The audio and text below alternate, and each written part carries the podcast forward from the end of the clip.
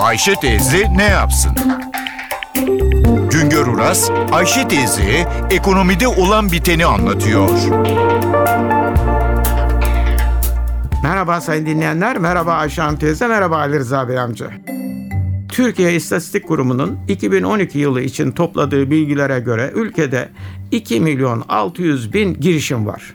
Bu girişimlerde 12,5 milyon insan çalışıyor. Ancak bunların bir kısmı ücretsiz aile işçisi. Ücretle çalışanların sayısı ise 10 milyon dolayında. 2012 yılında 2 milyon 600 bin girişimin toplam cirosu o yılın cari fiyatlarıyla 2 trilyon 750 milyar lira oldu. Bu girişimlerde toplam personel gideri 213 milyar lira olarak belirlenmiş. Toplam personel giderlerinin cirodaki payı ülke genelinde %7,7 dolayında oluyor. Ama imalat sanayinde personel giderlerinin cirodaki payı ise ortalamanın üzerinde %9'a yakın. Toplam 2 milyon 600 bin girişimin yüzde 40'ı ticaret kesiminde. Dikkat buyurunuz çok büyüğü ölçüde ticaret kesiminde girişim var. Daha sonra yüzde 16 pay ile ulaştırma ve depolama girişimleri geliyor.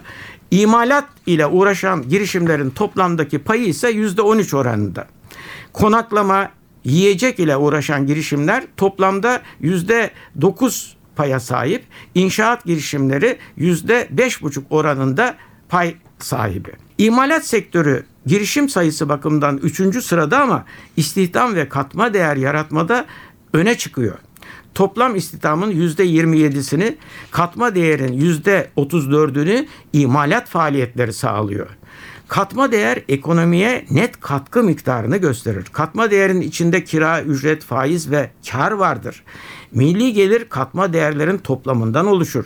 Katma değer artınca ekonomi de büyür. Ülkede bir yılda yaratılan toplam katma değere imalat sanayinin katkısı yüzde 34 iken ticaret getirinin katkısı yüzde 20, ulaştırma ve depolamanın katkısı yüzde 7,5, konaklama yiyecek kesiminin katkısı yüzde 4, inşaatın katkısı ise yüzde 7,5 oranında. Kişi başına katma değer yaratma güçlerinin düşüklüğü nedeniyle ticaret, ulaştırma, depolama, konaklama, yiyecek ve inşaat sektörlerinin istihdama katkıları katma değerlerinde katkılarının da üzerinde.